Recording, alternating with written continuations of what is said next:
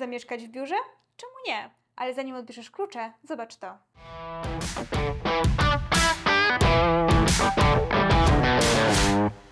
Świat zmienił się nie do poznania. Globalne zjawiska całkowicie zmieniły nasze wyobrażenie o tym, jak pracować, gdzie pracować i jak aranżować e, wnętrza, abyśmy czuli się w nich jak najlepiej. O tym, jak projektować biura i jak sprawić, aby pracownicy nowej ery chcieli w nich e, pracować, porozmawiam dzisiaj z Wojtkiem Nowakiem, e, architektem i właścicielem NOWW Studio. Cześć, bardzo mi miło. Witam Was również. Bardzo mi miło gościć Cię w naszym podcaście. E, powiedz mi, jakie według Ciebie jest takie wymarzone biuro przyszłości? Mówimy oczywiście o biurze do pracowania. Y, Wiesz co, na pewno takie, w którym się pracuje w sumie mało, a, a efektywnie, ale w sumie myślę, że takie biuro przyszłości to biuro bardzo zróżnicowane, dające różne opcje i mało monotonne. Mhm. E, mało monotonne, ale równocześnie ono musi spełniać pewne funkcje, prawda? Bo jednak ważne jest, żeby pracownicy chcieli w nim pracować, ale też pracodawcy byli właśnie z tej efektywności zadowoleni. Więc jak znaleźć ten balans taki e, w tym, w tym projektowaniu? Wydaje mi się, że muszą być, y, jeżeli chodzi o samą funkcję, bardzo zróżnicowane przestrzenie. Od takich stricte y, no, biurowych, które wymagają tego, że musimy siąść przy, przy komputerze i, i popracować, e, do takich, gdzie mamy możliwość odpocząć, y, ale to już teraz się dzieje i to jest y, praktycznie teraz standardem, że powstają te wszelkiego rodzaju chill zony, czy, czy te mi- miejsca związane z kuchnią są już tak często aranżowane, że dają dużo opcji do, do pracy. Tak naprawdę no, w takich pozycjach już niestandardowych, jak na kanapie, czy, czy, czy przy, przy jeszcze innym typie jakby siedziska, nie tylko takim stricte biurowym e, biurku.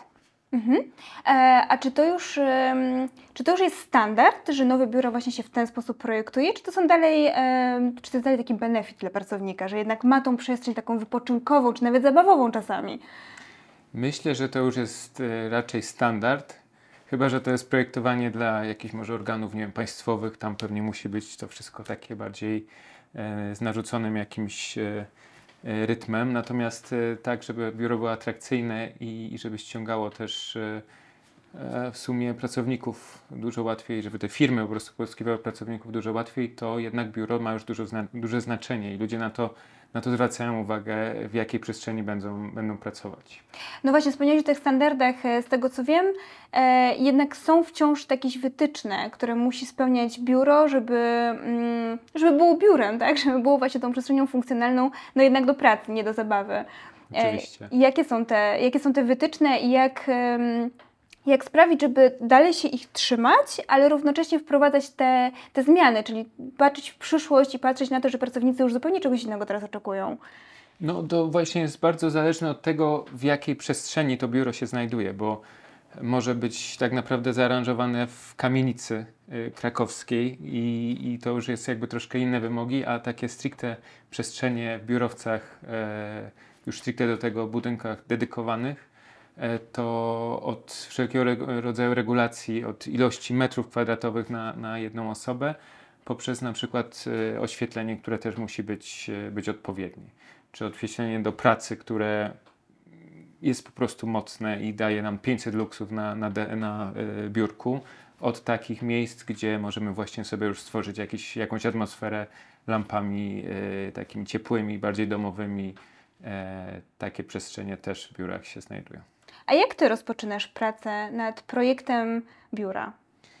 Zawsze zaczyna się to od y, tak zwanego feedoutu. To, to są trochę taki Tetris, jak to poukładać i właśnie wtedy, y, wtedy jest tak, że mm, ustawia się tą funkcję. Gdzie są przestrzenie do pracy, gdzie są przestrzenie do odpoczynku, gdzie są jakieś miejsca e, a gdzie, gdzie na przykład jest ta kuchnia. Więc to, to wszystko to jest trochę, ja to się śmieję, że to jest taki Tetris, żeby to tak poukładać na, na rzucie, żeby, żeby wszystko ze sobą grało. Mhm.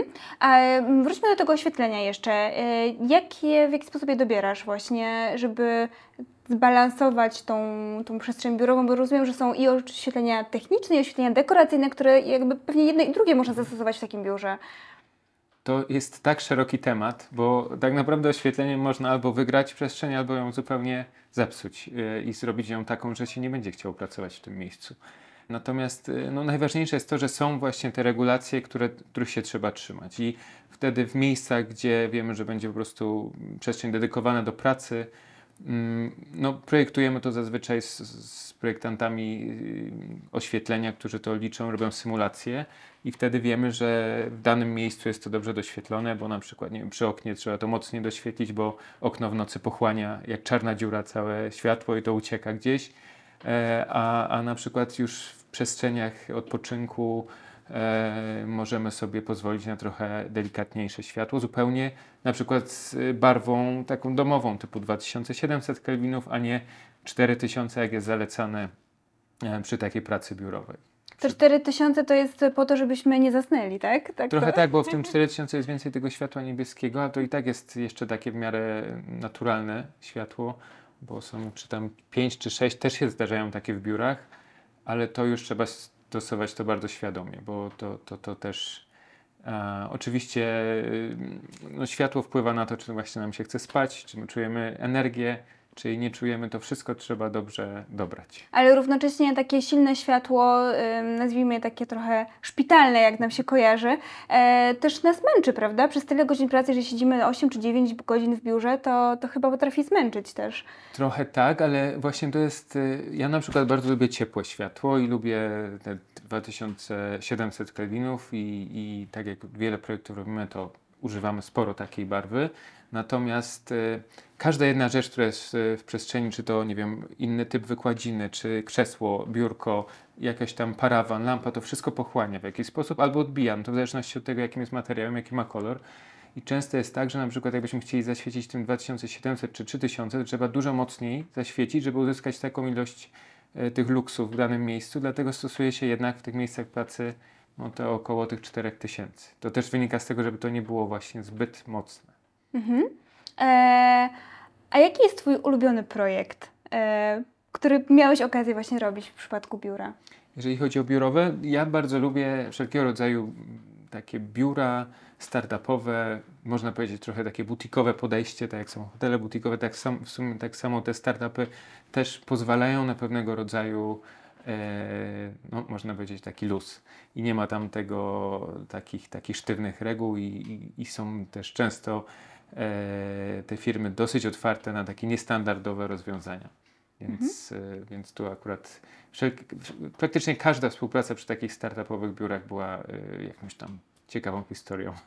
Ale mam wrażenie, że e, już korporacje chcą być bardziej jak startupy właśnie i wprowadzają te takie mm, przestrzenie, które zupełnie by się nie kojarzyły do tego do, do, w tym momencie z, e, z biurami, a jednak tymi biurami są, prawda? W sumie to jest trochę tak, nie wiem, ciężko mi powiedzieć, kto był pierwszy, czy te startupy.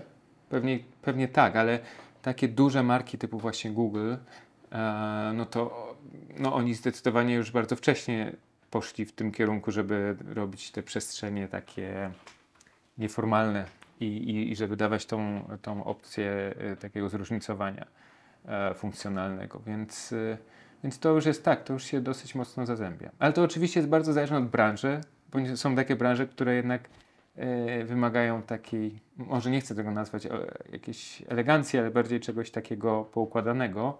Sformalizowanego Tak, bardziej. tak, tak. A są takie, które po prostu mogą sobie na to pozwolić i, i jakby nikt ich nie weryfikuje z tego, że, że oni tam są trochę w jakiś sposób szaleni. Myślisz, że w jakim kierunku to idzie? Czy e, po ostatnich doświadczeniach, gdzie większość ludzi jednak przystał się do domu, e, myślisz, że faktycznie takie biura przyszłości, takie już robione właśnie bardziej pod potrzeby pracowników, sprawdzą się na rynku? Czy ludzie jednak będą chcieli pracować z każdego miejsca na świecie albo z domu? E, Wydaje mi się, że te biura cały czas będą, tylko e, myślę, że ich powierzchnie będą się zmieniać. W sensie będą się zmniejszać. E, Że będzie troszkę większa właśnie rotacja taka, że na przykład wiemy, że wielu pracowników w ciągu e, tygodnia pozwala sobie na home office i mają taką możliwość. I wtedy załóżmy na te miejsca mogą wskakiwać inni pracownicy, jakaś taka rotacja. Pewnie, pewnie będzie coś takiego, że będzie delikatna, to się już chyba dzieje, że chyba no, widzi, widzimy, że po prostu wiele, wiele biur e, zmniejsza swoje przestrzenie e, kosztem tego, że robią sobie właśnie takie odświeżenie, taki refresh, obcinając jakieś, nie wiem, 30% powierzchni, ale na przykład robiąc tą przestrzeń bardziej, bardziej zróżnicowaną. Super. E, no, mogliśmy pewnie tak długo rozmawiać o tych, o tych biurach, o tym, jakie będą trendy i jak to wszystko się będzie zmieniać, e, ale bardzo Ci dziękuję za tą rozmowę. Dziękuję. Dużo się dowiedziałam i, e, i, i bardzo się cieszę, że mieliśmy okazję się tutaj spotkać. E, naszym i Waszym gościem był Wojtek Nowak, e, architekt i właściciel e, studia NOWW. Dziękuję bardzo. Dziękuję bardzo. Dzięki. Spodobał Ci się nasz podcast? Wejdź na stronę poznaj.maxlight.com.pl podcast. Zapisz się do newslettera i nie przegap kolejnych odcinków.